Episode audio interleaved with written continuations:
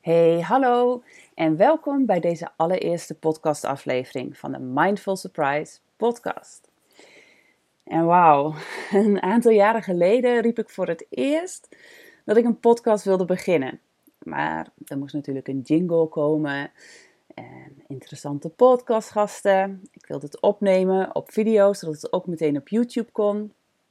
En, en, en, en, en, er kwam helemaal niets van. Het werd te groot in mijn hoofd, waardoor er niets uit mijn handen kwam. Nou ja, inmiddels begrijp ik de kracht van kleine stapjes. En onder het mom, if not now, then when, luister jij nu dus naar, naar deze allereerste aflevering. Laat ik beginnen om me voor te stellen. Mijn naam is Janneke Dijkhuis en in deze podcastaflevering neem ik je mee door een stukje van mijn leven. Een intuïtief leven. En dat ik zo intuïtief leef, dat begreep ik eigenlijk nooit zo. Ik deed vaak dingen die ik niet kon uitleggen aan mijn omgeving en dat maakte me onzeker. Laat ik je meenemen naar 2012, waar veel vrienden relaties kregen, gingen trouwen, settelen, kindertjes. En dat had ook invloed op mijn leven. Alles moest veel meer volgens een agenda, volgens een planning. En de spontaniteit ging eruit. Tegelijkertijd was ik op mijn werk, ja, daar veranderde ook van alles. Mijn werkgever wilde dat ik een bepaalde richting uh, opgroeide. En ja, ik had daar andere ideeën over. Dus kortom, um, op een aantal belangrijke aspecten of een aantal belangrijke thema's in mijn leven, vriendschappen en werk, waren allerlei veranderingen. En dat maakte dat ik me begon af te vragen: ja, wat wil ik eigenlijk? En um, die vraag, die was gemakkelijk te beantwoorden, want ik wilde maar één ding en dat was naar het buitenland. En ik had in het verleden alles aan het buitenland geroken, want toen ik 16 was, woonde ik een jaar lang als uitwisselingsstudent in de Verenigde Staten. En voor mijn afstudeerscriptie had ik een half jaar in Bangkok in Thailand gewoond. Dus toen ik besloot om eens te kijken wat voor banen er over de grens beschikbaar waren. Toen heb ik mijn netwerk in Azië aangeschreven. Ja, en toen had ik eigenlijk binnen no time een baan op Bali. Nou, daar heb ik niet lang over na hoeven denken. En midden 2012 schreef ik me uit Nederland om te emigreren naar de andere kant van de wereld. En Bali was een droom. Het, nou ja, het, wellicht ben je er zelf wel eens geweest. Het is een bijzonder eiland waar onwijs veel leuke dingen te doen zijn. Surfen, duiken, heerlijk uiteten voor relatief weinig geld. Vulkanen beklimmen, buureilanden bezoeken. Ik had een ontzettend leuke groep like-minded mensen, ehm, die vrienden, die mijn gekozen familie werden. En we zaten allemaal in eenzelfde leeft, uh, niet leeftijdscategorie, maar levensfase. We waren eind 20, begin 30 en hadden riante huizen, allemaal poolvilla's met huishoudsters en tuinmannen. En we hadden allemaal mooie banen, dus een fijn salaris. We gingen samen op reis. En uh, ook voor mijn werk reisde ik ontzettend veel. Ik had een hele drukke baan, een hele verantwoordelijke baan. En ik had heel veel um, lokale uh, collega's. Dus ik was in de cultuur, werd ik, uh, werd ik helemaal meegenomen door mijn collega's. En um, in mijn vrije tijd had ik mijn expat vrienden. En beide hebben ook gezorgd voor een wake-up call. Want dat was Bali ook zeker voor mij. Nou ja, het eiland heeft sowieso een reputatie dat, dat het echt iets met je doet. En zelf denk ik dat dat dus komt door de cultuur. Doordat de Balinezen zulke gevoelsmensen zijn. Ze leven zo vanuit een gevoel en uiteraard vanuit een hindoe uh, geloof. Overgave aan het leven is daar zo ontzettend vanzelfsprekend. En dat was voor mij ja, intrigerend. En tegelijkertijd trekt dat dus ook hele bijzondere mensen aan. Denk aan yogis, gelukzoekers, reizigers, digital nomads. En het waren die mensen en ook mijn vriendengroep die ik daar had, die me aan het denken zetten. Want ze leefden zo anders dan dat ik gewend was, uiteraard. En ik bleef in mijn patronen die ik in Nederland um, geleerd had, bleef ik heel erg hangen. Dus ik denk dat als ik het omschrijf als de 9 to 5 mentality, dat je wel begrijpt wat ik bedoel. En om mij heen zag ik dus heel veel mensen op een hele andere manier hun dagen en weken en maanden in, uh, indelen. En dat, dat fascineerde me. Ik uh, cracked my brain on it. Hoe doen zij dat? Hoe... Ik heb 24 vakantiedagen. En als ik naar jullie kijk, jullie, ik zie jullie maand in, maand uit ehm, allemaal leuke dingen doen. En het lijkt alsof je aan niemand verantwoording hoeft af te leggen. Hoe, hoezo hoef jij niet naar een kantoor? Nou ja, op een gegeven moment bereikte, het was ongeveer na 2,5, 3 jaar, um, bereikte ik in Bali ook een punt waardoor er, waar er heel veel veranderingen uh, plaatsvonden. En het expertleven is sowieso al een beetje een komen en gaan. En toen in mijn core vriendschappen veranderingen kwamen, als in uh, er werden uh, babytjes geboren en um, vaste relaties. En ook mensen gingen terug naar hun thuisland. Tegelijkertijd was ook hier weer mijn werk, uh, waar ik een grote, ja, waar het altijd voelde alsof het ging om winnen of verliezen. Uh, en presteren. En dat voelde niet meer als iets wat bij mij paste. Ik haalde niet meer plezier uit mijn werk. En eigenlijk kwam ik erachter dat ik mezelf had meegenomen naar de andere kant van de wereld. Ik liep tegen dezelfde dingen aan als drie jaar daarvoor in Nederland. En ik besefte me dat ik wel kon blijven op Bali. Kon ook wel teruggaan naar Nederland. Maar beide voelden niet goed. Het voelde alsof het tijd was om mijn visie op de wereld te creëren en tegelijkertijd uit te vinden hoe ik dan in die wereld paste. Wie was Janneke en wat vind ik echt leuk en wat wil ik van het leven? En dat zijn overigens hele onbewuste vragen destijds die ik mezelf stelde, want ik begreep toen nog helemaal niets van mijn binnenwereld.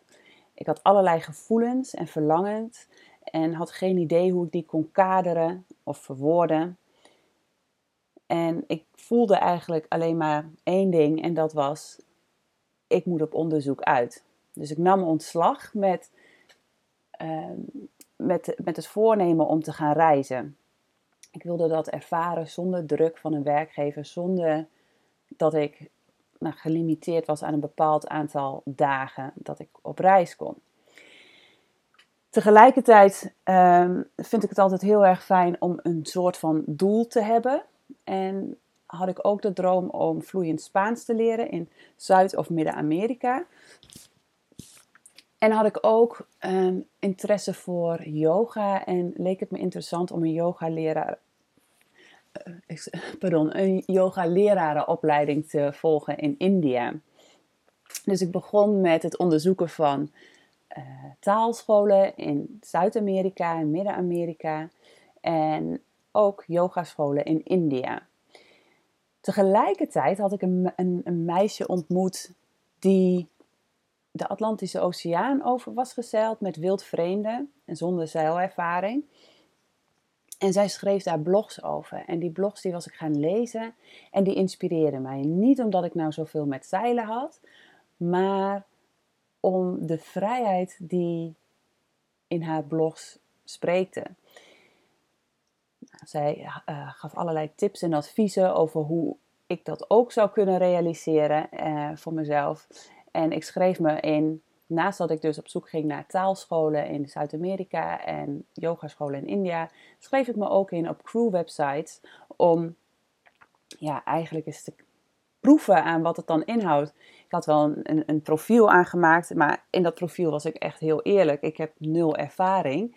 En ik ben ook nog eens hartstikke zeeziek. Dus ik had niet het idee dat ik nou een hele goede catch was voor, uh, voor iemand die een oceaan over wilde gaan. Desalniettemin, drie dagen later, volgens mij was het een dag of drie later, kreeg ik een, mailtje met de vraag of ik als crew mee wilde om de Indische Oceaan over te zeilen. Dat was een reis van vijf maanden die begon in Maleisië En die via allerlei eilandjes naar Zuid-Afrika leiden. En er zouden nog twee andere crewleden ook meegaan. Nou, we hebben niet uh, videobellen, was geloof ik helemaal niet zo'n ding toen. Dus ja, we hebben een aantal keren over en weer gemaild. En toen heb ik gezegd, ja, dat ga ik doen. Ik ga met je mee. En ja, ik heb al mijn spulletjes in Bali toen verkocht en afscheid genomen van mijn vrienden daar. Ik ben het vliegtuig ingestapt naar uh, Maleisië. En altijd heb ik tegen mezelf gezegd: dit is nog echt het moment. Ik, kan, ik heb dan wel toegezegd, maar ik kan altijd nog terug als het niet goed voelt. Maar goed, bij aankomst voelde het meteen goed. Wist meteen dat dit een vertrouwde setting was. Dat, uh, dat het een uh, competente kapitein was. En dat dit een heus avontuur zou worden. Ook die andere twee crewleden hadden, nog hadden geen zeilervaring. Eentje had geloof ik een beetje gezeild, de ander helemaal niet. En uh, er was nog iemand heel zeeziek. Dus wat, we, wat ons eerst te doen stond, was leren zeilen. En ook wennen aan elkaar. En ook de boot leren kennen. Bevoorraden, schoonmaken van binnen, van buiten. Elkaar leren kennen. Dus we hebben daar een week of drie, vier aan besteed. Voordat we de trossen losgingen en echt op ja, de oceaan opgingen. Dus in die vier weken heb ik wel echt ja, mezelf af kunnen stemmen op, op ja, waar ik was en met wie ik was. En dat bleef goed voelen. En zodoende uh, ja, ben ik de oceaan overgegaan. En we gingen naar plekken waar ik nog nooit van gehoord had. Ehm, de eerste stop was Cocos De tweede stop was Rodriguez, gevolgd door Mauritius. En Mauritius is wel, waarschijnlijk een eiland wat je wel kent. Uh, en Rodriguez is een eiland ten noordoosten van Mauritius, wat overigens ook weer bij Mauritius hoort. En gevolgd door La Réunion, dat ligt uh, ten oosten van Madagaskar. Vervolgens het eind, uh, de eindbestemming was Durban, Zuid-Afrika. Nou, op dat eerste stukje van dus Maleisië naar Kokoskiling werd ik al hondsberoerd. En lag ik met koortsdromen in mijn bed en wilde ik eigenlijk maar één ding. En dat was dat die boot heel even stilgezet kon worden, ook al was het maar vijf minuten. Met een oceaan die tot 8 kilometer diep gaat, was dat onmogelijk. Want ankeren, dat doe je, um, daar heb je een bepaald aantal meters ankerketting voor nodig. En de diepte keer ongeveer 3 is het aantal ja, uh, chain, ketting, wat je uit moet gooien. Dus met 8 kilometer diep, je kunt je voorstellen dat, ja, dat zoveel uh, ketting uh, onmogelijk is om mee te nemen op een boot van maar 14 meter. Het heeft eigenlijk zo'n. Het ergste stuk heeft zo'n 18 tot 24 uur geduurd. Dat ik echt super ziek op mijn bed lag. En daarna wendt je lichaam ook aan de deiningen. En het wendt ook aan. Het, je weet ook veel beter wat je wel en niet kunt eten. En waar je goed op gaat. En Ehm, veel meer boven dek dan beneden dek. Ehm, en na een paar dagen verdwijnt het en ben je ook echt gewend en kom je echt in het ritme van een passage. Toen we de atollen, Cocos Keeling, naderden, dat zijn overigens uh, atollen die nog bij Australië horen, maar uit mijn hoofd zo'n 2900 zeemijlen of kilometer uit de kust van Western Australia, Perth liggen. Heel afgelegen. En toen wij daar aankwamen, we hadden echt heel idyllisch allemaal dolfijnen die met de, met de boot meezwommen. En we gingen de lagune in. En dat moment, dat zal ik eigenlijk nooit, dat zal ik nooit vergeten. Dat was zo'n ontzettend gevoel van trots en overwinning. Overwinning van mezelf, mijn eigen angsten, maar ook overwinning van ja, alles wat ik dacht dat ik zou kunnen. Ik had mezelf heel erg overtroffen. Dat was zo, gaf weer een heel bevrijdend gevoel. En dat smaakte naar meer. Dus um, zoals ik zojuist vertelde, eh, de route ging verder. En de zeeziekte nam af naarmate de route verder ging. En ik was echt gewend aan het water en uh, de stilte en wat het me bracht. En het bracht me vooral heel erg terug naar de essentie van het leven. Waar gaat het nu eigenlijk om?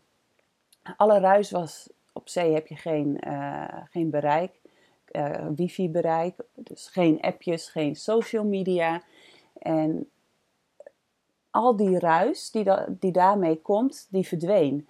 En het enige wat je hoeft te doen is dat je uh, droog blijft, veilig blijft, goed eten. Eten is ontzettend belangrijk, uh, is heel erg bepalend voor de sfeer aan boord. En dat je op koers blijft. Dus dat waren de dingen die we te doen hadden. En verder ja, vertraagde het leven. De snelheid werd uit het leven gehaald. En er was heel veel tijd om te schrijven, te lezen en bij jezelf naar binnen te kijken, over de oceaan uit te staren. En dat, dat deed, heel veel met mij. En ik begon me steeds beter te beseffen dat, dat ik het allemaal zelf wilde uitzoeken en niet het voorgekoude, voorgekoude leven uh, wilde voortzetten zoals ik dat tot dan toe gedaan had. Um, ondanks dat een immigratie naar uh, een, een, tropisch eiland niet per se heel vanzelfsprekend was, maar alles daarbinnen, de kaders, um, het gebonden zijn aan een locatie, aan een werkgever, daar wilde ik zonder. Dus bij aankomst in Zuid-Afrika uh, maakte ik de belofte aan mezelf om nooit meer terug te gaan naar een kantoorbaan. En daar begon ik met het werken in ruil voor eten en onderdak. In Zuid-Afrika deed ik dat. En voor de kerstdagen ben ik teruggegaan naar Nederland. Dat had ik mijn familie beloofd. En uiteraard begonnen de vragen te komen. Ja, wat ga je nu doen? En nu zul je wel blijven. En, en weer een baan hier zoeken. En het enige wat ik kon zeggen, nee. Maar de vraag, maar wat ga je dan doen, kon ik niet echt beantwoorden. Want ik, ik had het niet duidelijk. Ik, ik voelde het alleen. Dat het, uh, dat het niet tijd was of dat het niet. Ja, dat ik niet wilde blijven. Ik wilde blijven reizen. Ik wilde niet in Nederland blijven. Nou, mijn spaarpot een beetje aan te vullen, ging ik naar Oostenrijk om daar een winterseizoen uh, te serveren in een, uh, in een hotel-restaurant. En daarna ben ik naar de luchthaven gegaan met de trein. En heb ik gevraagd aan, bij, een, uh, bij zo'n sales desk. Waar kan ik voor zo min mogelijk geld naartoe? Naar een plek waar het lekker aangenaam warm is. En die avond had ik paella in Mallorca. En daar begon ik ook uh, te werken in ruil voor eten en onderdak. Dat deed ik ook op Lanzarote en dat deed ik ook op Fuerteventura.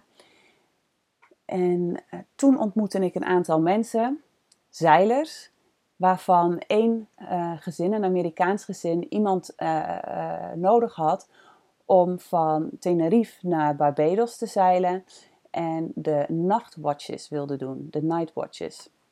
Dus um, in ruil ook weer voor eten en onderdak, um, ging ik, zeilde ik met hun mee naar de andere kant van de oceaan. Van uh, s'nachts van 1 tot 4 of 1 tot 5, ik weet het even niet uit mijn hoofd. Um, moest ik wacht houden en verder, ja, niet. Zat je ook midden op de oceaan. Maar dat was tevens voor mij een heel mooi moment om, uh, ja, om er zeker van te zijn dat de ervaring die ik op de Indische Oceaan had gehad, ondanks het zeeziek zijn, niet geromantiseerd was. Het was echt iets waar ik uh, ja, gepassioneerd over was. Desalniettemin moesten er ook centjes weer verdiend worden, want mijn bankrekening uh, uh, ja, die daalde. Dus toen besloot ik om naar Medellin, Colombia te reizen. Dat is een digital nomad hub. En ik had op dat moment, um, toen ik in Zuid-Afrika zat, had ik mij ingeschreven voor een freelance platform waar je je diensten aan kunt bieden. Ik had mij daar opgezet als virtual assistant. En toen ik in Oostenrijk zat, toen werd ik benaderd door een Nederlands reisblog met, het, met de vraag of ik als virtual assistant voor hun wilde werken. Dus ik had één klant en met de inkomsten daarvan kon ik nou net niet mijn kosten delen, ehm, dragen, betalen. Dus mijn spaarrekening ging ook weer omlaag en het was echt tijd om daar iets aan te doen. Het was echt tijd om mijn reizende avontuurlijke leven duurzaam te maken. Vandaar de keuze om naar Medellin te gaan, een digital nomad hub, waar ik me graag liet inspireren over uh, verschillende manieren om geld te verdienen. Nou, de makkelijkste manier om uh, uh, ja, financiële, ja, financiële middelen te krijgen, was om als um, virtual assistant verder te gaan in aanvang. Dus ik heb daar heel, heel erg op ingezet. Ik heb allerlei mensen en, uh, benaderd en gesolliciteerd. En binnen no time had ik dat ook op de rit. En uh, had ik eigenlijk een hele verantwoordelijke uh, zat ik weer in een hele verantwoordelijke situatie waar ik uh, klanten bediende, weliswaar op afstand. En ik vond het onwijs leuk. Tegelijkertijd had ik ook het verlangen om mezelf beter te begrijpen. Want ik had nu zoveel avonturen en zoveel gekke keuzes gemaakt die ik niet kon uitleggen aan mijn omgeving. En ik merkte dat, ja, dat die verbinding met mijn familie daardoor en vrienden in Nederland daardoor uh, ja, niet alleen letterlijk, maar ook ja, gevoelsmatig meer afstand kreeg. En ik wilde graag uit kunnen leggen wat er in mij omging. En dat besloot ik te doen door een boek te schrijven. Samen met een professioneel schrijfcoach. En daarvoor wilde ik graag, want ik had dus een, uh, allerlei klanten als virtueel assistent. En ik besloot een boek te schrijven. En ik besloot ook uit te gaan zoeken hoe ik kon ondernemen. Dus hoe ik in de toekomst niet meer mijn tijd voor geld kon ruilen, maar echt als ondernemer ehm, mezelf op de kaart kon zetten. Dus ook huurde ik een, uh, een business coach in. En daarvoor had ik nodig een, ja, wat meer stabiliteit. Terug naar Nederland gaan was een optie, maar dat voelde ik totaal niet. En Bali was mijn laatste thuis geweest. Dus terug naar Bali gaan voelde voor mij heel logisch. Ik had daar nog vrienden, ik spreek de taal een beetje. Ik ken de weg daar, ik heb een netwerk daar. Dus midden 2017, na twee jaar reizen, ben ik teruggegaan naar Bali. En ben ik daar aan de slag gegaan met mijn boek. En ook met het uitzoeken ja, wat ik, wat ik eh, als ondernemer kon doen. Daar uh, kwamen mijn uh, mijn werkervaring, tien jaar werkervaring in het toerisme en mijn ervaringen van die laatste jaren kwamen daar samen. Um, in het organiseren van avontuurlijke mindfulness reizen. Dat hield in dat ik een verrassingsreis organiseerde voor één persoon. Uh, een beetje een op zoek naar jezelf reis. Mensen wisten dat ze naar Bali gingen. En werden, uh, nou ja, het gaat om één persoon per keer. Uh, die persoon die werd opgehaald in zijn of haar hotel. En met, door een chauffeur, door een lokale chauffeur. En na ongeveer anderhalf, anderhalf uur rijden uh, werd, er, werd er een brief overhandigd van mij. met de locatie waar ze naartoe gingen en wat ze gingen doen. En dat vier dagen lang.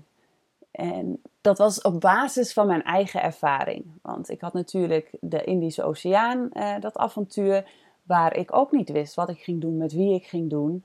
En dat had me zoveel zelfinzicht gegeven. En tegelijkertijd had het me ook een, mijn zelfvertrouwen een boost gegeven en het vertrouwen in het leven.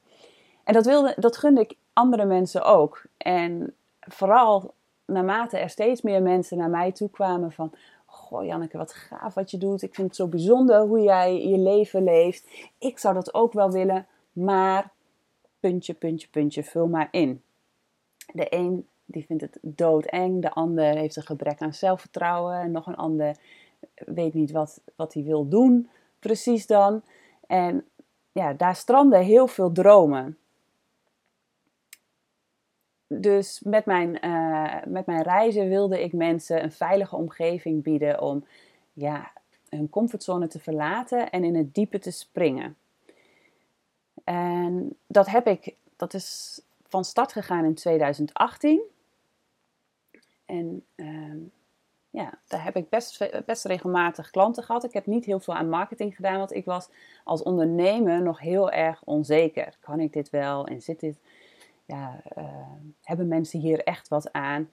En ehm, daar was tijd voor nodig om dat vertrouwen bij mij te laten groeien. Dus uh,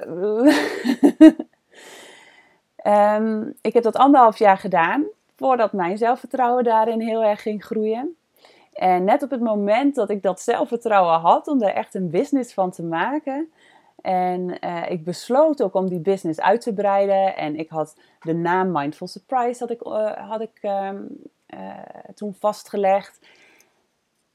Kwam COVID. Ik, wilde, ik had besloten Bali achter me te laten om als vaste basis. Mijn reizen konden daar doorlopen, want ik werkte daar met een, met een partner die de uitvoering deed. En tegelijkertijd wilde ik mijn reizen ook dichter bij Nederland aanbieden.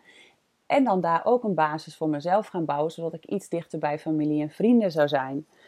En um, ik had dus mijn spullen op Bali allemaal verkocht. Mijn ticket was geboekt. En ik zou eerst naar Nederland en vervolgens door naar, uh, naar Zuid-Europa om daar een aantal bestemmingen te scouten en te zien waar ik mezelf ook heel erg thuis zou kunnen voelen. En ik ben gestrand in, in, uh, in Nederland door, door de komst van COVID. Ineens moest ik al mijn reizen op Bali annuleren. En ja, was het ook niet mogelijk om, om bestemmingen te gaan scouten om te zien waar ik mijn nieuwe basis wilde, uh, wilde, wilde bouwen. Dus in één klap was mijn bedrijf weg. En nu terugkijkend kan ik voelen en zien wat dat met me gedaan heeft. Maar toen ik er vorig jaar middenin zat, was het vooral meevaren op wat er wel kan. Reizen in eigen land bijvoorbeeld. Maar, en dat heb ik geprobeerd, maar dat heeft niet hetzelfde effect als in een land waar je de taal niet spreekt en ja, waar je eigenlijk geen idee hebt uh, van de cultuur en hoe het werkt. Dat maakte dat ik uh, vorig jaar, of begin dit jaar, uh, begin 2020 besloot om ja, de boodschap die ik, die ik, wat ik mensen mee wil geven, dus in het diepe springen, in je comfortzone verlaten, in het diepe springen om nieuwe kanten van jezelf te ontdekken, om je zelfvertrouwen een boost te geven, om dat in een, op een andere manier, ja, die ervaring te geven. En, of in ieder geval op voor te bereiden om zo'n uh, sprong in het diepe te maken. Zodoende ben ik dit jaar begonnen met het aanbieden van online programma's die het gevoel, uh, die de verbinding met je intuïtie versterkt. Want terugkijkend op de afgelopen jaren, op mijn eigen leven, heb ik geleerd dat intuïtie mijn meest waardevolle bezit is. Vooral als je graag een andere afslag in het leven wil nemen, en of dat nou een keuze is voor een leven als digital nomad of als expat of een ander leven op jouw voorwaarden. Als je durft te vertrouwen op je gevoel, dan hoef je nooit echt zorgen te maken over het resultaat. En daar komt een heel stuk mindset bij kijken. En dat zijn precies de dingen die ik in het programma Flow vanuit Focus allemaal terug laat komen. Het programma is een goede voorbereiding om de sprong in het diepe te wagen. De tijd waarin we leven vraagt, als je het mij vraagt, vraagt er ook om, om, om je daarop voor te bereiden. COVID mag mijn inziens geen excuus zijn om je avontuurlijke dromen in de ijskast te zetten. Uh, het is een tijd van reflectie en dat is een uitnodiging om stappen te zetten in de richting waarvan je voelt dat jij wilt bewegen. En in Flow vanuit Focus neem ik je in zes weken tijd mee op een innerlijke reis. Die begint met het maken van een nulmeting voor jezelf. Waar sta je? En die belicht ook verschillende kanten van waar jij staat op dit moment. En de reden daarvoor is, is dat als je niet weet waar je nu staat, je ook niet weet hoe ver je nog moet om je droomleven te realiseren. in het programma bied ik tools om die krachtige verbinding met jezelf te realiseren. En ook geef ik tips en tricks. Sorry. Um, ik geef tips en tricks die je ten alle tijden uh, voor jezelf in kunt zetten om ook daadwerkelijk dappere keuzes vanuit je intuïtie te nemen. Vervolgens kijk je naar je verlangens en maak je inzichtelijk welke stappen er gezet mogen worden om die verlangens realiteit te maken. En ik neem je mee over hoe je die regie over je leven pakt en hoe je zelf dus in die actiemodus kunt zetten. En de afsluiting van die zes weken ehm, ja, gaan we in op het trainen van je mindset. Want ik geloof echt dat als je, uh, als je je mindset optimaliseert, dat je alles kunt bereiken wat je wilt. En het online leven, dat ja, heeft ons afgelopen jaar ook wel laten zien hoeveel mogelijkheden ons dat biedt. En dat is fantastisch. Tegelijkertijd vind ik dat het ook steeds meer afleidt van wat er in je uh, binnenwereld omgaat. Dus online zijn brengt heel veel ruis. En dat is ook waarom ik ervoor gekozen heb om in dit programma juist heel veel offline elementen toe te voegen. Um, zo ontvang je elke week een begeleide meditatie, die ik heb ingesproken en ondersteunend is aan het thema van de week, uh, aan het thema van die week. En ook ontvang, ontvangen alle deelnemers een schrijfschrift thuis in de brievenbus met prikkelende vragen en opdrachten. En dat schrijfschrift dat heb ik ook speciaal voor dit programma ontwikkeld. En neemt je dus ook echt mee um, in zes weken tijd op een innerlijke reis. Kortom, weg van de schermen en in verbinding met jezelf en de directe wereld om je heen, om op die manier ook daadwerkelijk vooruit te komen in het leven. Alright, voor deze allereerste podcast wil ik het hier heel graag bij laten. Ik vond het onwijs leuk om te doen. en ik hoop dat deze podcast je geïnspireerd heeft en vertrouwen heeft gegeven dat een leven op jouw voorwaarden ook zeker voor jou is weggelegd. Ik zou het onwijs leuk vinden om van je te horen wat je van de aflevering vindt. So don't stay a stranger.